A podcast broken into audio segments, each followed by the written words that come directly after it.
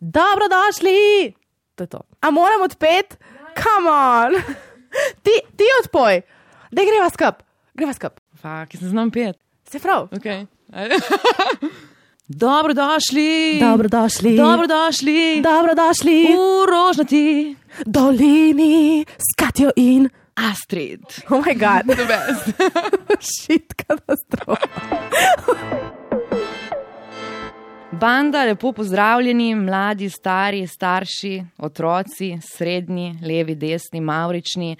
Um, dobrodošli vsi, ki ste se prikotolili v Rožnato dolino.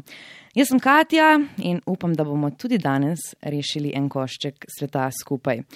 Če ste danes prvič z nami, to je podcast in to pomeni, da se lahko na njen naročite, kar zelo pomaga naši rožnati skupnosti. Uh, moram reči, da me današnja tema muči že kar nekaj časa, ker imam 25 let in bi po vseh bioloških kalkulacijah in tik-takanjih zdaj bil en zlat čas za narediti kaj v smeri potomcev. V teh letih je moja mama že imela dva otroka, moja nona kar tri v vrsto. Jaz pa še vedno ne vem, kaj bi počela z lifeom, če bi se mogoče odselila v gost ali pa šla v Ameriko za sanjami biti hollywoodska igralka, če bi šla na jadrnico. Um, skratka, kar zanimiv kontrast je nastal med generacijami, ampak otroci niso enostavno vprašanje. Življenje je precej drugačno, kot je bilo pred 25 leti. Svet je v eni taki grdi krizi, okolje ne zmore več uh, držati naše malomarnosti. In sem potem šla raziskovati uh, na Google, seveda, in našla en članek, ki zelo tako nazorno opisuje, kaj bi se zgodilo, če bi jaz zdaj imela otroka. Če bi jaz imela otroka, ko bi on bil star deset let, naj bi izginila četrtina žuželk na svetu, naj bi 100 milijonov otrok trpelo izjemno pomankanje hrane. Pri 23 bi se pobelili skoraj vsi koralni grebeni, ko pa bi bil 30, uh, naj bi po svetu po ocenah romalo enih 200 milijonov podnebnih beguncev, polovica vseh vrst v divjini bi izumrla, no leta 2100, ko bi jih imel 80, če bi jih dočakal, pa bi lahko bili deli Avstralije, Afrike in Združenih držav Amerike nenaseljeni.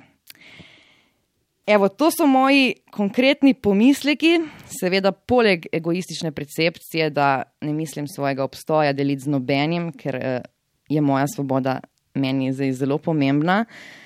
Ampak prav zato, ker v teh blodnjah še vedno pridejo trenutki, ko razmišljam, kako bi lahko dala ime svojih črki, in ker je tu še vedno velik procent tistih, ki se odločajo za ime otroke, sem danes. Uh, da spucam vse dileme, povabila v Rožnato dolino eno čisto hudo bejbo, pevka, harfistka, performerka, plesavka, profesorica glasbe na srednji šoli, predvsem pa mlada mamica Astrid Klun, dobrodošla. Najlepša hvala, da si me povabila v Dajo. Dobrodošla, kako si? Ma, super, super sem, hvala. Kje si sploh našla čas uh, v vseh teh zaposlitvah danes za me?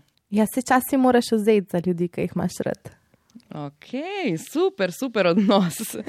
Um, greva takoj na, na to vprašanje, ker to, to me res ful zanima. Zakaj imaš otroke? Z, zakaj imaš otroka? Mislim, pogledaš kaj okoli sebe, kaj se dogaja s planetom, z nami?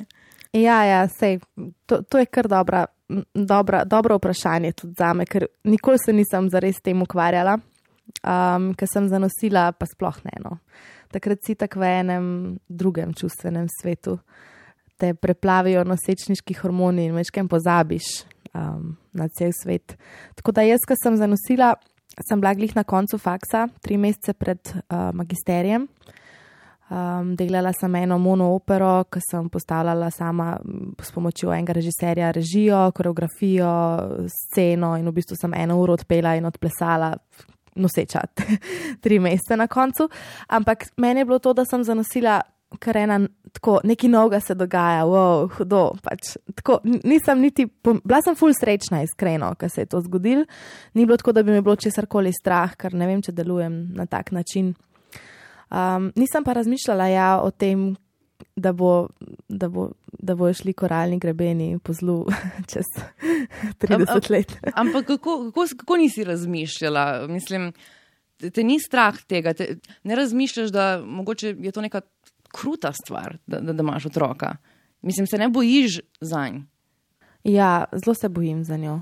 Vedno bolj se bojim za njo. Tako, ker razmišljam, ko grem jaz ven, pa kaj se dogaja okrog mene, pa kaj o čem berem. Ampak se zato sem jaz tukaj, da jo poskušam vzgojiti in pripraviti na to, um, kar jo čaka. Ampak ne morem preprečiti vseh stvari, ki se dogajajo. Na začetku se spomnim ta prvi moment, tri dni po njenem rojstvu, jo je ena soseda hotla prijeti v roko in meni je bilo to najhujša stvar na svetu. Takrat ni šans, ampak sem jo vse en dala v roko in pol sem se tresla in um, noga je po ritmu, tap, tap, tap, tap, tap, ker pač sem bila tako nervozna, da jo ima v roki. Pa se pa čez čas mečken navadaš na to, da so stvari, na katere nimaš vpliva. Jaz pač tudi zares nisem imela vpliva na to, da sem zanosila. Mislim, lahko bi ga imela, ampak načeloma pa na to gledam kot na usodo, ker tisto leto je tudi vse kazal k temu, da se bo to zgodil, ampak to polo paziš, ker se to že zgodi. Tako da nisem, nisem niti razmišljala o tem, kaj bo čez 30 let in kaj bo čez 15. In, ja, no. uh mhm. -huh. Pa uh, se počutiš, da je krivo zaradi tega? Ne, ne, seveda da ne. A, a, zato, da sem otroka rodila v ta svet. Tako. Ja, mislim, da je kar tak zelo egoističen svet, ki si enkrat mama, zelo je vse uh, in a bubble v mehurčku. Najbolj priznaš, da si uh, egoist. Definitivno, ja, valjda. okay, okay, uh, ko sem brala te podatke, so se mi zdeli bizarni. Uh, na svetu nas bo kmalo 8 milijard. Uh, ocenjujejo pa znanstveniki, da so zemljine zmogljivosti ustvarjene zato, da bi nas lahko bilo le 1,5 milijarde ljudi, ki živijo danes kot povprečni državljan Združenih držav Amerike. Ja, to je kar skeri. To je vse full scary v bistvu. Um, mogoče bom ostala pri enem otroku, ampak uh mhm. -huh. pa pri treh kuških. Kaj pa, uh, ne vem, da bi posvojila, da bi, da bi tako mogoče pomagala, si razmišljala o tem? Ja, jaz vedno se pogovarjam o tem z ljudmi, da bi, ja, da, da imamo več otrok posvojita, ne, otroci rabijo dom. Pa sem pa razmišljala o tem vprašanju tudi sama, če bi jaz posvojila, pa nisem zihar, nisem zihar niti v to, da bi, niti v to, da ne bi. Pač, dokler se neke stvari ne zgodijo, si tako ne moreš soočiti z njimi. Ne, ne, ne veš točno, kako bi se ti odločil. Odločiš se v danem momentu. Ne? Ne vem, en mesec zdaj sem slišala zgodbo o 15-letni punci, ki nima staršev in da je pri reniških družinah in me je v bistvu prijel, da bi jo posvojila tako za delček sekunde. Um, ne zato, ker je 15 in ker se ne rabiš ukvarjati z njo, ampak zato, ker bi si želela nekomu ponuditi lepši dom. Tako da, po mojem, če bi pri meni prišlo do tega impulza, da, da to želim, da bom videla, da pač se na svetu te stvari dogajajo, kar si rekla, mogoče pa tudi mene prime, da kdaj posvojim otroka. Ampak trenutno imam svojega in sem. Rekla sem svojega, ful pomembno, ker tudi ta otrok, ki bi ga posvojila, bi bil moj. Mm. Sam, sam da razjasniva to, ampak takrat, ko bi bil, no, ampak zdaj zaenkrat imam pa svojega, ki sem ga jaz rodila. No. Uh, ful vprašanj smo dobili na, na Instagramu na to temo. Uh, ful hvala za vsa vprašanja, super, super ste jih zastavili. Uh, Jan je vprašal, če bi lahko do otroka čutila isto vest, tudi če bi ga pozvojila. To je ful dobro vprašanje. Zadnjič sem govorila z eno gospo, ki ni mogla uh, imeti svojih otrok in je posvojila deklico iz Afrike. Uh, in ki je varuška od tam pošiljala videe, ki so bili slabe kvalitete, se je v bistvu že navezala na njo, kot se mati naveže na otroka, čeprav verjetno ne ve čisto točno, kako to je. Ampak jaz mislim, da ma dojenčki so tako cute, pa tako so mehki, pa tako dišijo. Ne vem, bila sem na eni zabavi, ko je mamica pripeljala otroka seboj in je potem ga pustila spančkati v eni tako sobici v vozičku. In jaz sem v bistvu imela sem nastop in sem hodila na vsake 15 minut gledati, če ta dojenček še spi. In ko se je zbudil, sem šla jaz po mamico. tako da po, moje, po mojem lahko razviješ, seveda, se tudi amigdala se poveča, to je ta center za nevarnost v našem telesu oziroma v možganih, se poveča, če se ti odločiš, da boš imel otroka. Torej, tudi istospolni partnerji, ki se odločijo, da bo, da bo nekdo od njiju mama, ne? Pač uh mhm. -huh. kdo se bo ustajal po noči in hranil otroka, um, se tistemu človeku amigdala poveča. Torej, bolj sliši po noči, če se otrok joka. Torej je, je neki tudi v odločitvi. Um, tako da mislim, da bi, po mojem, bi lahko razvila ta čustva. Ok, the best. Uh, greva zdaj na štartno mesto, ko se je vse začelo, ker, ker to, to me res zanima. Moment, ko si izvedela, da si noseča, uh, misli, občutki, počutje, stanje, uh, telesno in, in psihično, uh, kaj, kaj, ti je, kaj ti je šlo po glavi, kako si odreagirala? Ja. Um, ful sem bila zaspana en vikend in mi je rekel tak, takratni tast, da pač. Um, da je to zaradi polne lune. ok, pa sem to kupila, ampak pol, pol sem bila pa ful zaspana v čas in mi je partner takrat rekel, da naj naredim test. Ok, narediva test in dve črtici, ampak ena je bila ful medla. Ne? In pol ta prva stvar, ki so preverila, je, če pač to, da je ena full medla, pomeni, da pač nisi noseč. In pač piše v navodilih, da dokler jo vidiš, pa tudi če je samo kanček te črtice, it means you're pregel. In okay. pa smo še ugotovila, da smo test na robe obrnila in da tista, ki pomeni, da si noseč, je pač čist rdeča. pač ni dvoma. In moja reakcija, v bistvu so se pogledala, so se malo začela smejati. In, in on je, mislim, da me je vprašal, ker je mislil, da, da sem jaz. Da, da, da, da sem jaz fiks, da bom naredila splav, me je vprašal splav. Uf. Ja, ampak ni bilo to zato, ker bi on to hotel, ampak ker je mislil, da bom jaz ta, ki bom to hotela narediti. In sem ga pogledala nazaj sem tako, hej, ne vem, res ne vem. Pol, ampak čakaj, čakaj, eh, šok, žalost, jeza, veselje, sreča, kaj? Ne, no, nobenih teh občutkov, sam, ok, ok. To se dogaja, o neki noga, kul. Cool. In pol v naslednjih 15 minutah sem poklicala vse. Čakaj, tudi, tudi mamo. ne, v bistvu njo sem, po mojem, tako eno četrto, ampak prvo mislim, da sem poklicala svojo sestro, ki je tako imela svojo klasično reakcijo, um, ki je full zaščitniška in sploh ne zna reagirati na te stvari. Ampak uh -huh. je bila tako, pa, pa da ne boš naredila splava slučajno, tako, o, pač čist napačna reakcija. Ampak uh -huh. pri meni ni bila tako grozna.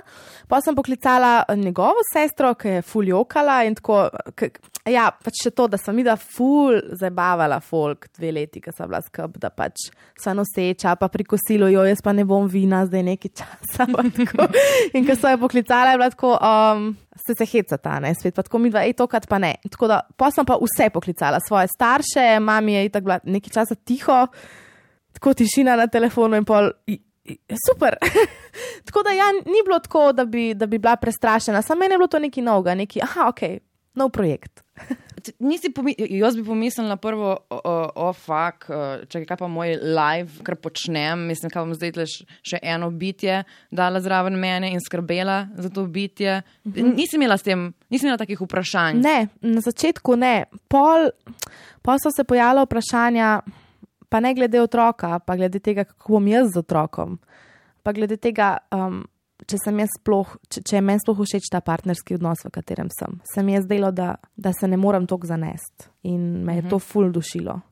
Um, kar pa ne pomeni, da nisem imela ful ljubezni, ampak mene je to ful dušilo, ker sem videla, da, da mogoče to ne bo to in sem tudi ful velika trekla v tistem obdobju različnim ljudem, ko sem jim zaupala, da bom verjetno samo hranilka v enem momentu svojega life. Čeprav to zdaj ne morem reči, bom razložila zakaj.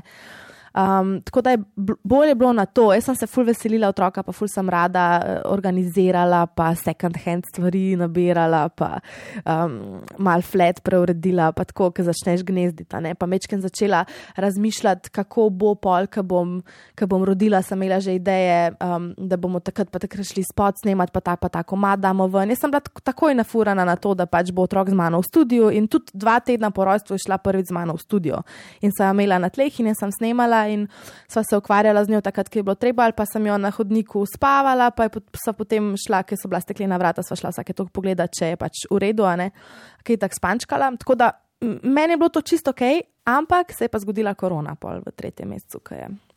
Tako da, mhm. takrat smo pa pol obtičali na 35 kvadratih. Takrat se je pa pol začel, ja, ta dvom, bom sploh še kdaj imela kariero, ampak sem tudi v tistem času full delala na tem, da bi jo imela. Da... Ampak ja, Ok, bomo še prišli do, do, do te faze eh, korone in misli, eh, bolj temačnih. Uh, se pravi, o splavu, splav si takoj dala na, na, na, na stranski tir. Um, jaz mislim, da podzavestno, ja, zavestno je še nekako bilo nekih 5%, ki bi bilo možnosti, da bi, ne, ampak zares pa ne. Ker me je tudi pol zdravnica vprašala po telefonu, ja, se boste obdržali, ne, pa kaj ne vem, ampak v bistvu sem vedela, da ga bom. No. Vedela sem, da grem čez 4 dni na pregled, da bom. Wow. Tako da sem bila v bistvu, če posplošiva, iskreno, iskreno vesela tega. Ok, in potem ti začne rasti trebuh in vse spremembe v tvojem telesu, ki, ki se pojavijo. Si to, koliko si bila stara takrat? Um, 23. Kako so se začele spremembe v telesu in kako si jih doživljala? Ja. No, in pol, ja, res se začne telo spremenjati. Mi smo v bistvu prvi teden snemali spot, Coconut, in je bil to še zadnji še zadnji pač navdih za spot, pač kokonat. Kamar sem tam plezala po bambusu in na, glavi, na glavo dol visela v nekih mrežastih trikojih. Um, ja, in pa se telo začelo spreminjati, um, fus sem se napolnila z vodo, uh, fus sem bila na koncu fet. Ampak prav odločila sem se, da, da mi to ne bo problem. Da jaz jem zato, da bo otrok zdrav, da pač. Um, da se ne omejujem tle, da prvič v življenju sem lahko budskasta. In sem tako uživala v tem, sem se pogledala v gledalo in sem tako, oh, moj bog, kako mi je velik skup. Oh, v bistvu sem se zredila, zredila 25 kg. Okay. In pa sem probala en pull-up narediti doma, ker predtem pred sem hodila v fitness, ni šans, pač no way, ker sem imela 93 kg. Kako? kako s tem narediš pull-up? Tako da to je, ja. pa se je pa začel. Um, po porodu so pa lasje začeli odpadati, pa telo je malo wobli, pa nisi čist presep, ampak te, te spremembe so vse del tega. Mogoče zadnje tri mesece, da je bilo zanimivo, pa spat na boku skozi, ker ne smeš na trebuhu, pa na hrbtu, pa ustajanje, pa ustajanje iz avta, pa ustajanje iz stola. V bistvu imam še kar probleme s trtico zaradi tega. Um, ful priporočam akupunkturo pred porodom, ene štiri tedne pred porodom se začne um, ker te ful zmehčava, da greš telesa. Ampak ja, zanimivo. Ja, pa ful si utrujen, veliko velik spiš. In kaj pa tvoja samo podoba, bi rekla, da, je, uh, da je šla uh, v pozitivno ali negativno smer? V, v zelo pozitivno smer. Res? Ja. Zavestno, ni, ni tako, da se je to kar samo od sebe zgodilo. Jaz bi lahko sama se pijamo kopala, ne? pa se dajala v noč, ampak se nisem. Uh, zavestno sem šla v to, da ne, da, da it's a higher cause, višji namen je, zakaj to delam. Čakaj, kaj pa uh, folk okoli tebe, prijateljice, uh, družina, so bili vsi podporni, so te vsi podpirali. Um, Mislim, ne, vem, ne predstavljam si, da bi zdaj mojim frendicam rekla, jaz sem noseča, po mojem bi bilo tudi par čudaških pogledov in ono, what the fuck delaš. Mislim, da ne. Mislim, ne? da ne bi bilo, ne. Pol niso, ne vem, ne vem kako, kakšen je tvoj vrednostni sistem, frendica. Ampak jaz, jaz, če bi frendica prišla, da je noseča, verjetno jo je strah. Ali pa mogoče je tudi ni, verjetno je kaj v dvomih in tvoja naloga je, da, da si support. Jaz mislim, da je to ful pomembno. Se zdaj, ko pomislim, da ste vi tudi jaz bila podporna. Ne, da bi bila, ful bi bila vesela, veš. Ampak tako, ko zdaj razmišljam, kako bi pa bilo, pa imam feeling, da bi vsi bili tako, no kaj pa ta dela z life. Ne, po mojem bi par eh, takih krikov slišala, veš, teh naših ženskih. Kaj... Oh, ja. in bi te objele in koliko pa žariš in kaj. Mislim, ful se en community vzpostavi, no tudi. Um, Tudi mamice, ki jih poznam, jaz sem v bistvu se takoj povezala z mamicami, ki jih poznam, in takoj se sproži en tak uh, support bubble. Mogoče je v kakih primerih tudi drugače, ne samo je ful pomembno, da se ti kot mlada mamica, eh, kot nosečka predtem, da se obkrožaš z ljudmi, ki niso toksični. In da se obkrožaš z ljudmi, ki so support. Ker že itak imaš sam kakšne dvome in če si še obkrožen z ljudmi, ki niso ok. pol si imela srečo. Ja, ker sem bila noseča, ja. Okay. Ko si bila noseča, kaj pa pol namiguješ na kaj? Um, ja, ne, ne bom prav preveč šla v podrobnosti, ampak uh, se pa kar spremeni. Spremenijo se stvari, kar rodiš. Veliko enih vprašanj se pojavlja, tako tudi takoj, ko prideš iz porodnišnice. Fulenih vprašanj, kako boš to, pa kako boš uno, pa mogoče nekega obsojanja ali pa ne vem. Zanimivo je. No? Ti se itak spopadaš z vprašanji že sama. Pač prvo vprašanje je, kako kako naj otrok zaspi nazaj, ki ga dojiš. Pri meni je bilo to vprašanje, pa kako, kako naj jaz zaspim nazaj. Prva dva tedna je to. In takrat se je meni tudi pojavil ta, ta, ta strah. V bistvu takrat šele, ko sem rodila, sem jaz dojela, kaj se je zgodilo. Pač, da je tako. In je bila ena misel, joj, kar grozna. Um, v bistvu, ko so mi hormoni spustili in ko so rekli, a, a, a vam otročka vzamemo za ponoč, da se lahko naspite po porodu, ker pač dva dni sem imela popadkov.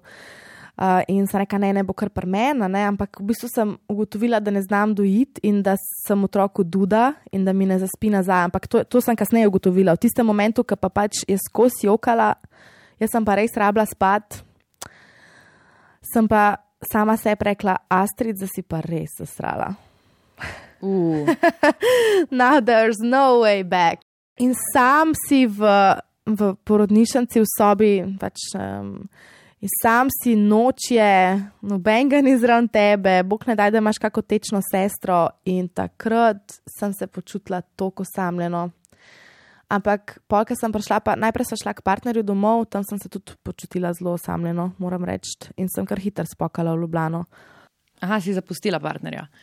Ne, on je šel z menoj, ampak um, zelo hitro sva šla v svoje stanovanje, nisva potem ostala in tudi v bistvu nekako bi priporočila mamicam, da grejo v svoje okolje. In bo že partner skuhal, ali pa si bojo same, če bojo lahko, ampak pejte v svoje okolje. Kako pa ti je bil partner, je bil v oporo, pač si se potem počutila manj samo? Ja, takrat, ko je prihajal v porodnišnico, sem se počutila manj samo, ko mi sem čakala, da pride, ne res. Uh, ful, ful sem ga rabila ob sebi. Um, pa sem imela kar kar v redu. Mislim pa se je ta korona začela zelo hitro, tako da smo obstali doma, ampak je bilo v redu. Je bilo v redu full časa. Um, ampak ena stvar, ki se zgodi, kar rataš starš, je ne to, da se odnos spremeni. Sem videla, da je eno vprašanje tudi o tem, kako se odnos spremeni. Ampak da ti v bistvu osvetli, tako kot da bi dal v spotlight stvari, ki niso ok. In vedno bolj jih vidiš.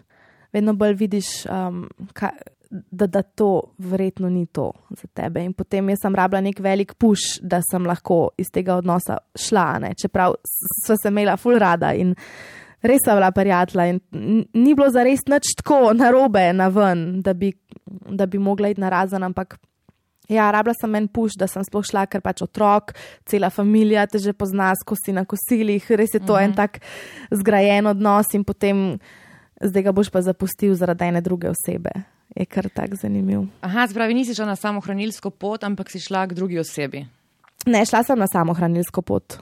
Kaj, kaj, kaj pa takrat, kaj pa takrat občutki? Sem... Se nis, nisem zares imela izbire, bila kar velika štala, ampak um, joj, takrat je bilo ful težko, ja. Ful me je bilo strah, ful, ful, ful sem imela, ful še kar imam ful je za vse, ampak takrat sem imela ful je za vse. Pa, um, tako prav vsak dan sem se mogla postavljati na noge, veš, kaj te neki podrej in se moraš skozi nazaj uh, zbildati, da lahko greš naprej, ampak pač moraš iti naprej. Mislim. Ja, ker nisi samo ti, ne več. Ja, to je tudi zanimivo, ne sploh v tej stanovanski problematiki v Ljubljani. Jaz, ko iščem stanovanje, pač mora imeti eno sobo, ki jo lahko zapreš, da je lahko otroček tam noter in spi, ker mi dva sta oba nočni tip in rabiva prostor zase in tak flat košta 700 evrov plus. In to je noro, pač ljudje, kaj vam ni jasno. Pač vse vem, da je veliko popraševanje, ampak vi ste bolani v glavo, sorry, pač to mora en povedati na radiju, očitno, ker toliko pogotnega folka pa že dolgne. Um, res, to je prav, prav grozanje, prav tako občutek imaš, da, da, da, mislim, da bi šel domov, kar je pa itak ne mogoče, da greš domov, pač, ker si enkrat na samem deset let. Um, tako da ja, je, je kar zanimivo, ampak vse pravim, kar ti pač live da na pot, s tem delaš. Niti podrazno mi ne gre slabo. Zgledaš ful samo zavestno, kot da vse ovire boš preskočila. Mislim, si to imela že prej ali, ali bi rekla, da si to z, z ščirko? Ne, jaz sem full termasta že celo življenje, ker je bilo tudi veliko ver.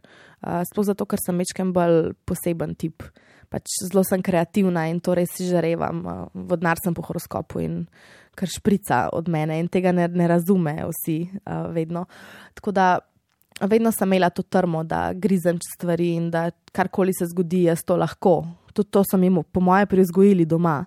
Uh, z Avo se je pa to še, uh, še bolj pokazal, ta karakter. Tako da jaz načeloma razmišljam o sebi kot osebi, ki lahko naredi vse, kar pa niti podrazno ne pomeni, da, ne, da jaz ne padem na dno in da je to dno grozljivo.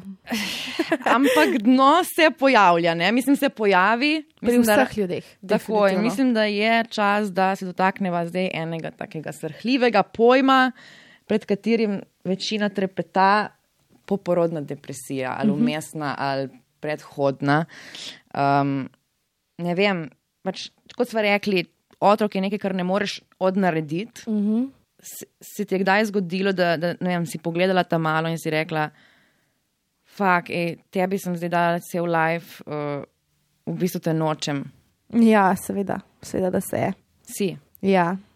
In začniva s tem, da če se to katerikoli mamici, ki naj jo zdaj le mogoče posluša, zgodi, je normalno, zelo normalno.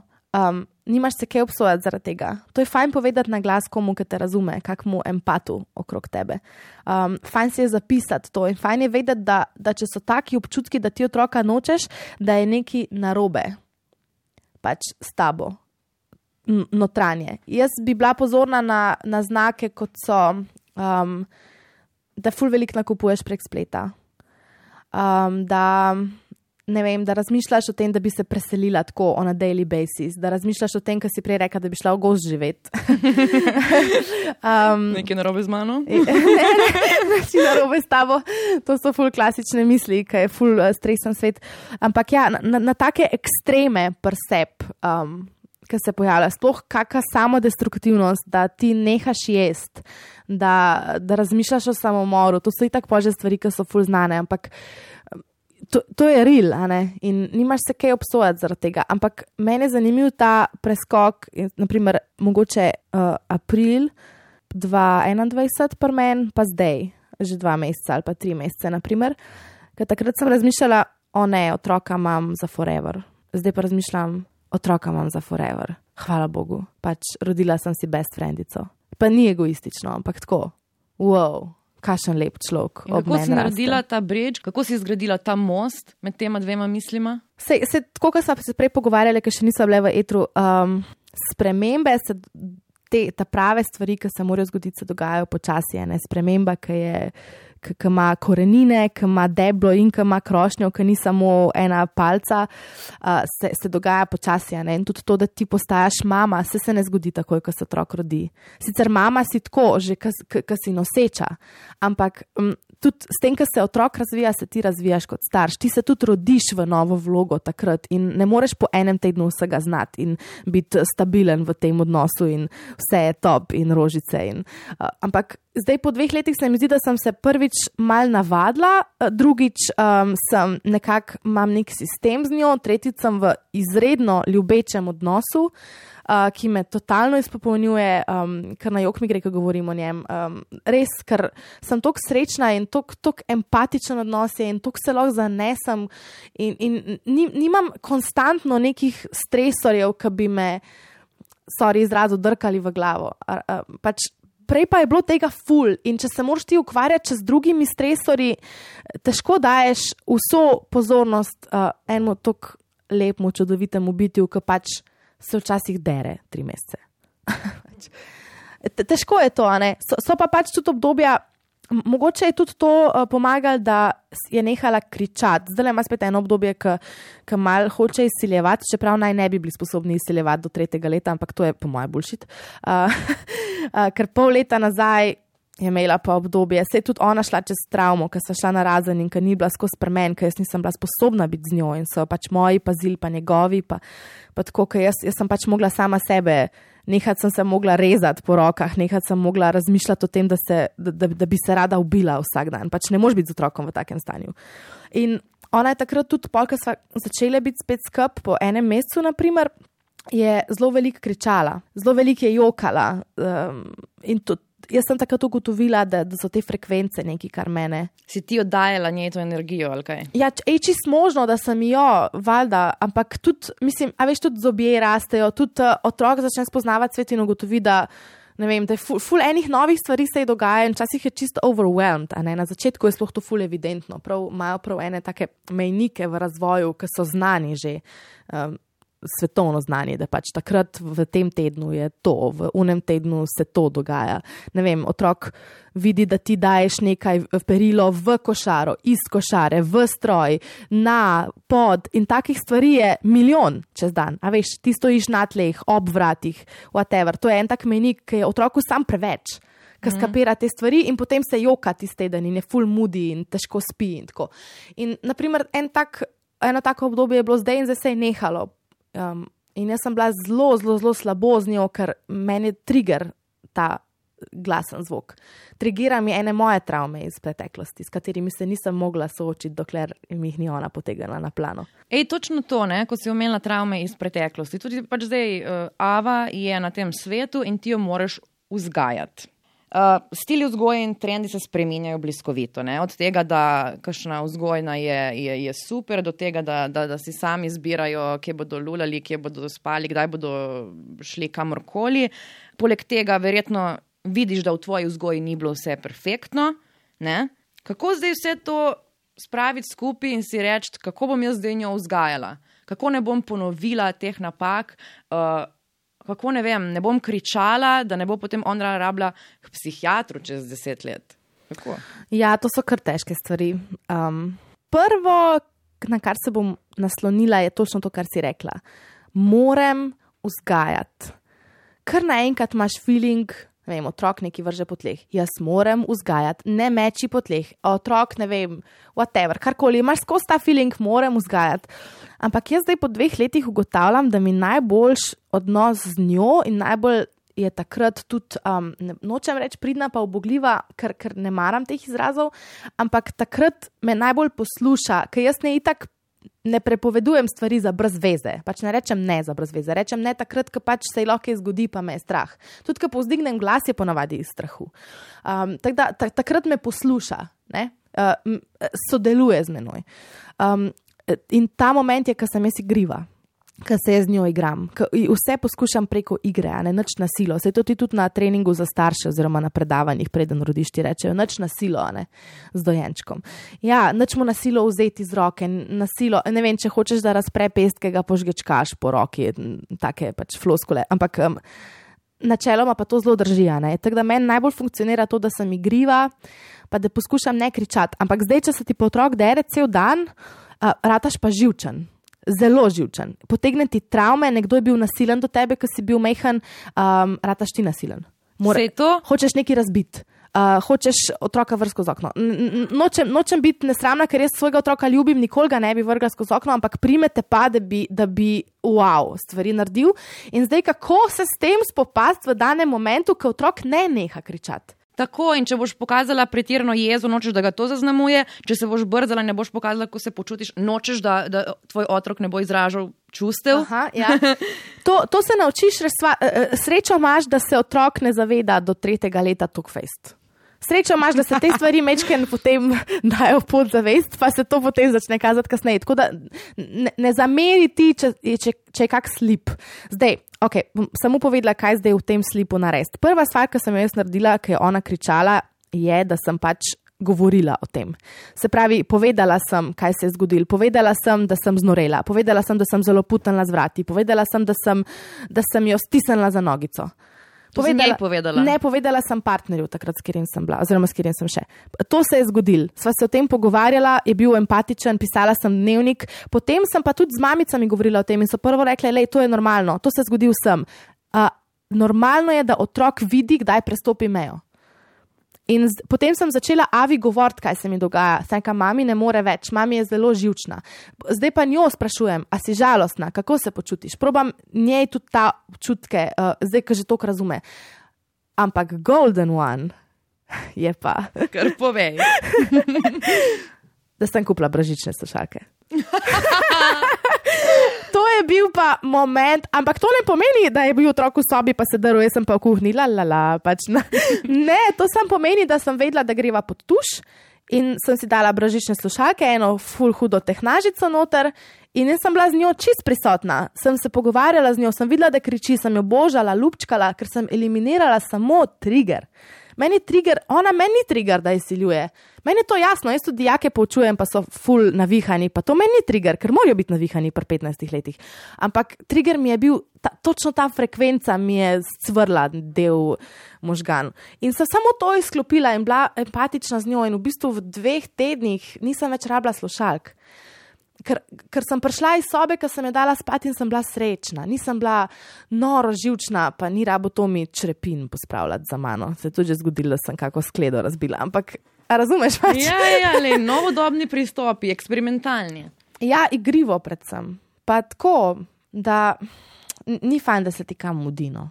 To ni, ni priporočljivo. Tako da vse bolj v izico. Moderna mama. Uh, to, to sem tudi opazila uh, včeraj, ko smo bili na, na pijači, ne? na koktejlih. Uh, mala Ava je bila z nami, pa mi je potem še en fant, ki je bil z nami, Valentin, mi je rekel: Ej, kaj si ti opazila, da so tam une dve babice tako obsojajoče gledale Astrid, ne? Mislim, kaj pa si ona mislite, ob osmih zvečer z nekimi frenicami kričijo, pijejo koktejle, ne?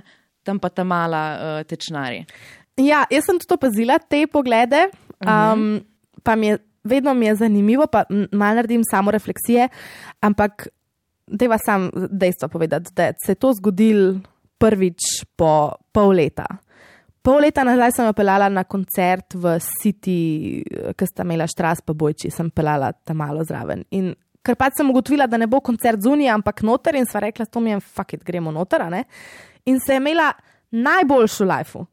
Pač nje je to najbolj, sedela je na, na eni stopnički pred odrom, ker sem vedela, da, da bo hotela iti gor, ampak ni šla, skozi smo gledala, če lahko, pa se ka mogoče ostani na tej stopnički, ampak ni, ona je skozi poslušala, ker vem, kašna je, ker ne gleda risank, ampak gleda koncerte rada.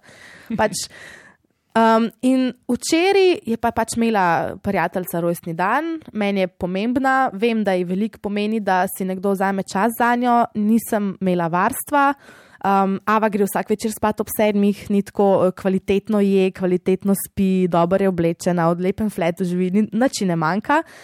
In pač ne delam z njo grdoče, opeljem s frendicami ven. In kaj se je zgodilo na tem, na tem večeru? Vse ste jo imeli po rokah, se igrale z njo, šla je mhm. čez mizo, noben ni bil zares pijan, da bi bilo nevarno. Jaz sem spila en koktejl samo zaradi tega, pač nisi pijan od tega koktejla. Um, Dobro se je imela, smejala se je cel večer, ker smo šli domov, sem jo celo zabubla na poti za spalati, kot sem vedela, da bo, sem jo lepo predstavljala v posteljico in to je to.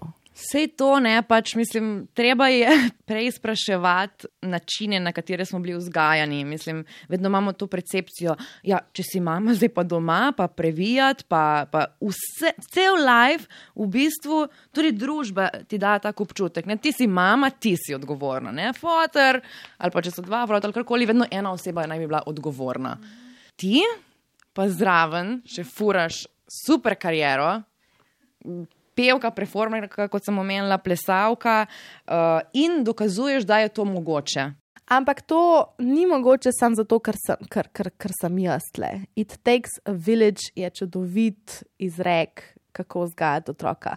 Jaz brez ljudi ne bi mogla tega delati. Pač meni to mi ob četrtkih, ki pojem, počuva otroka. Brez, in ga vedno vprašam, ti je težko. Ne, pač ni, ni mi težko. In tako jo jaz dam spat, a veš, meni je samo to, da preden grem pet, da jaz zrihtam vse z njo, dam spat, sem prisotna in potem grem šele na, na stop. Sestra mi jo velikrat popazi. Imam eno varuško, ki jo poznam že celo življenje, ki smo bile na morju skupaj. Lej, brez ljudi jaz ne bi mogla tega furati. Ta vprašanja so se ful pojavljala na Instagramu, uh, predvsem dekleta je, je zanimalo, kako sploh handlaš ta urnik in kako handlaš to, da uh, imaš hudo kariero, da si ustvarjalna, hkrati pa da si, še, še mama. Mislim, a te ne prime, lej, meni je ful všeč zdaj, zbudim se, kadar hočem. Grem sama na podovanje, grem na neko delavnico, imam kosilo s prijateljicami, kadar hočem. Prokrastiniram dve uri, ker sem se pač tako odločila, grem na koncert, pridem žura, kadar hočem, nabijam musko na glas, ker noben ga ne bo motlo. Se razjezim, kadar hočem in ne razmišljam, ko kdo gleda vame in bo zaradi tega traumatiziran celo puberteto. Naprimer, uh mhm. -huh. Ja, seveda, to so vse ležite stvari. Jaz ti zelo privoščim vse to, to ti privoščim, ampak Zanima me, če tudi ti lahko vse te stvari. ja, lahko. Uh, prvo leto sicer ne, prvo leto si podrejen otroku skozi. In to je treba vzeti v zakup in vedeti, da prvo leto, pa pol, le, mogoče celo dve, pač je to tako. Um, zdaj, kako jaz prokrastiniram? Ker prokrastiniram, kaj jaz res prokrastiniram. Jaz še okay. nikoli nisem tako kvalitetno prokrastinirala, kot zdaj, ko imam otroka. Zato, ker vem, da takrat, ko imam čas dve uri ležati na kavču in gledati v luft, oh, fuk, kako jaz to počnem z vsemi čuti. Razumeš? Ful sem bolj prisotna, odkar sem mamica. Okay. Um, takrat, ko gledam, ne vem, ja, ena stvar je, da jaz ful rada spim. Zelo si želim, da bi lahko spala zjutraj, ampak danes sem spala do 11. Bravo. Ker je pač Ava plezala po meni, previla sem jo in pole spala, in ker spiva v isti posli, je plezala po meni, se je igrala, se cartala po meni, mečke ne zaspančkala nazaj, ampak tako, sobotno jutro smo imeli skup. Um, ja, tako da, ko delam, res delam. Pač takrat, ko imam čas za delo, res delam. Ni, ni druge. Skrbim za svoje telo, zato ker ga rabim, skozi bolj rabim svoje telo. Vedno bolj je aktivna, vedno bolj ga rabim. In rabim imeti kondicijo za to, da lahko handlamo oba life. Pač, kar je pomembno za vse te punce, ki so to sprašvale, pomembna je odločitev, pomemben je mentalni trening. Um, ni, ni vse čez noč, ampak ti moraš biti trdno odločen in vedeti, da je to možno. Pa ne samo, da je možno, ti to boš naredila. Če hočeš imeti kariero in otroka, ti to lahko imaš. Če hočeš turati po celem svetu kot uspešen glasbenik, kar upam, da se bo v roku petih let zgodilo, otrok gre s teboj. Topi bo, na tonskih bo, na, na, na koncertih bo, ne vem, whatever, potovala bo s teboj. Mislim, verjetno ji bo fajn, če ne boš ti dajal feelinga, da je to zdaj nekaj groznega, ker pač nimam. Ne, dobro, ok, samo vseeno ne vem, ne moreš uh, zdaj ga zažurati do konca. če- Ma če- tudi ga lahko. Lahko, valjda, ampak ne pa zdaj vsak vikend. Se tudi ni fajn vsak vikend ti žurati. Mislim, takrat, ko žuraš, pa res žuraš. Ni več uno, da, da, vem, da je kakršen koli dvom. Jaz, ki imam varstvo, pa k, mislim, ki pri sestri spi velika, one dve se ful razumeta in se imata zelo lepo. In jaz vem, da je takrat njej time of her life in ko grem ven, wow, ful je dober, res. Ful se zrihtam, ful uživam, ampak sem pa tudi ful vesela, ker je Ava pri meni. Mislim, vedno bolj um, mi je do tega, da sva čim več skup. Vedno, vedno bolj mi je do tega. Tako da, mislim, Pol imaš lahko oboje. definitivno. Lahko imaš, lahko imaš dve službi pa otroka, sam pač so odrekanja. a Ne? A, pa še to, prioritetni seznam se mečken skrajša, kar je ful zdravo v bistvu. No, da povej, povej ta prioritetni seznam, kako se ti je zasukal, kako so ti vrednote se obrnile na glavo ali pa ne. Vedno hitreje vidim, če se res nočem početi. In imela sem službo eh, v osnovni šoli in hvala Bogu je prišlo do ene situacije, da sem mogla dati odpoved po štirih dneh, ampak res, res sem vesela, da sem dala odpoved po štirih dneh, ker mogoče bi v, v obdobju PRA pred AVO bi ustrajala v nekih službah, ki mi niso všeč, ampak naprimer to je ena stvar. Potem vem, kam hočem vlagati svoj čas in, uh, in uh, energijo in v koga jo hočem vlagati. Torej, odpadajo ljudje, ki so samo znanci in ki nimaš nekega globokega pogovora, ki te ne napolnijo z energijo. Če je nekdo energijski vampir, odpade, kot list z drevesa jeseni. In to tako, pač samo zapreš se čustveno, ker pač ne moreš, nimaš tega časa. Ne morem jaz dati te energije več ljudem, ki so toksični, ne morem. In, in se prav mentalno treniram, da tudi um, nimam več čustvenega odziva na to. Ni več uno, da me prizadane ne- neki. Pač sej me zelo, ampak vedno manj. In tudi, ne vem, pač prioriteta ti je kar naenkrat otrok in meni je to tako zabaven preskok in družina in, in partner. In, in to, mislim, sploh če imaš partnera, s katerim tako lahko rasteš. Pomembno ti je, da, da ohraniš strast s takim partnerjem. Aha, da ohraniš strast s partnerjem, ok, ok. Ni samo umevna, ja. Ja, Dajmo kako se samo to povedati. Dajmo to, dajmo to povedati, oziroma vprašati, uh, kako se je odnos s tvojim partnerjem spremenil, zdaj, ko imaš ti otroka. A z mojim partnerjem zdaj, ali s partnerjem, s katerim Stanovim. imam otroka? Ker S tudi on je dobil otroka, ne? Mm -hmm. Je bil pripravljen ga dobiti. Ej, to je tako neverjetno. Vse mu zelo velikrat povem, da to, kar je on naredil za me, in največja fora je, da je on reče, pač, da otrok, otrok sploh ne bi smel biti stvar vprašanja. da te pač. A veš, zdaj imaš pa ti otroka, zdaj bom pa jaz v dvomih. Ne, ni v dvomih zaradi otroka, niti podrazno. Vedno sem eh, čist amazed, kako je on to. Um, um, iščem izraz, ki bo pravi, ampak kako je to on. Pofural. Ja, pofural, ampak eh, skako uh, uh, graciously. No? Nesebično. Ja, okej. zelo nesebično, pa zelo tako um, graciozno, tako s, takim, s, takim, s tako eleganco, s takim. Um, ne, vem, ne vem, kako bi to opisala. Sej imam izraz na koncu jezika, ampak veš, da je pobegnil zdaj, ker so v vetru. Um, Ampak ja, on je to lepo to sprejel in, in veliko se pogovarjava, in ful veliko stvari on nauči. Um, res čist je, čist je neverjeten in ful se, ful se pogovarjava, ful delava na odnosu. Ker jaz, ki sem enkrat, veš, ka, decembra je bilo ne vem 20 špilov, ne? sem bila vsak večer tam in cele dneve pripravljala program in z otrokom. In, in pa sva, hvala Bogu, fasala korono, da sem imela 10 dni počitka. Um, ampak jaz no, sem takrat kot robot. Povej, kdo je tvoj partner, da bo malo bolj jasno. Joj, moj partner pa igra v skupini Murphy, kitaro. Ime je Tomi. No, cool. no, in, in vajen odnos, mislim, ste rabila se bolj potruditi za, za vajen odnos ljubezenski, da, da je še ena oseba prisotna zraven, ki jo moraš sprejeti v to skupnost Um, in, in se ji posvetiti. To, torej, ni samo čas za, za te, pa za mene. Mm, ampak takrat, ko pa, ko, ko pa mava čas zase, sva, je pa res kvaliteten. Ampak tudi mava čas zase zraven, ki je pač otrok, na tak način delujeva. Um, zelo mi je, ja, zelo veliko ene ljubezni je. No. Tako da, ampak kar sem pa prej rekla za strast, da strast ni samo umevna. Če, če, če imaš ti tok dela, rataš robot, jaz ratam tako kot en Excel. Uh, dokument. Pač samo še opisujem, kaj sem naredila, koliko sem zaslužila, kdaj moram, a, a bom speljala najmnino. in bla, bla, Pač samo to je, samo Excel dokument in ni časa za čustva. In ko me, ko me takrat objame, sem kar tako, hej, sorry, moram, moram naprej delati. In oh, moraš iz tega ven. To, Moraš znati ločiti, no, se, se učim tudi to. Ampak, ker smo skupaj, je, je res čas za naju. Takrat je res kvalitetno pogovarjati se ful o tem, kaj se ti dogaja.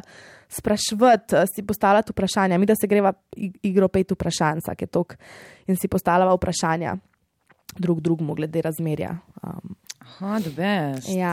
Razčiščujete sproti.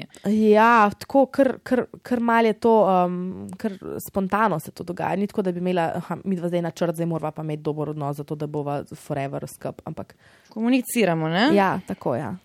Mogoče zaključiva z vprašanjem Žana Hauptmana. Wow. Ja. Vprašal je, predvidevam, da je bil smisel tvojega življenja glasba. Je to zdaj otrok, družina, a je lahko oboje? Ej, zdaj bom pa čisto iskrena. Jaz mislim, da je smisel mojega življenja še zmeraj samo glasba.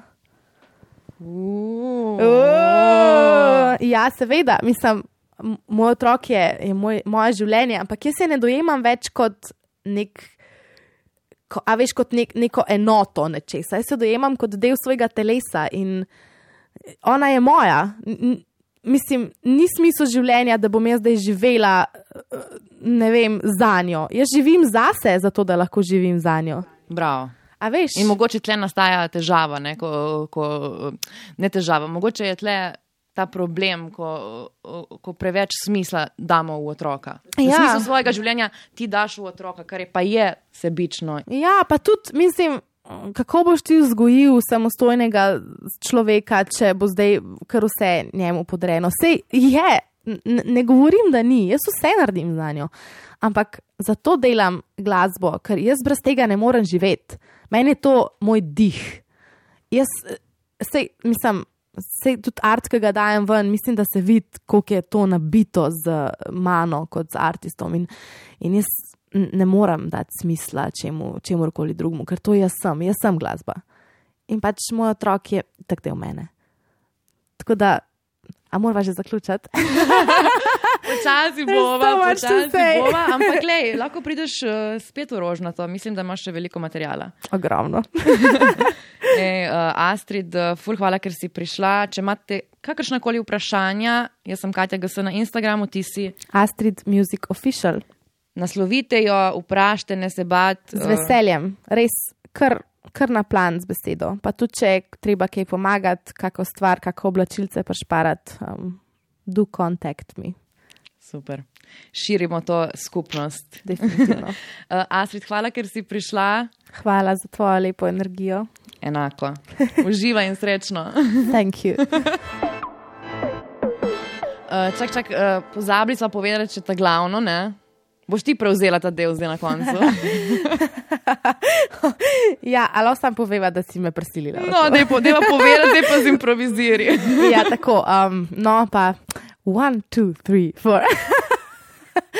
Poslušajte ružnato dolino, subscribe, poslušajte Katjo G. Stojnič, ker je full cool, huda bejba in imejte otroke, naj vam ne bo žal, vse kul cool, pokličte me, ker jaz imam full blačilc. Oh moj bog, Katja!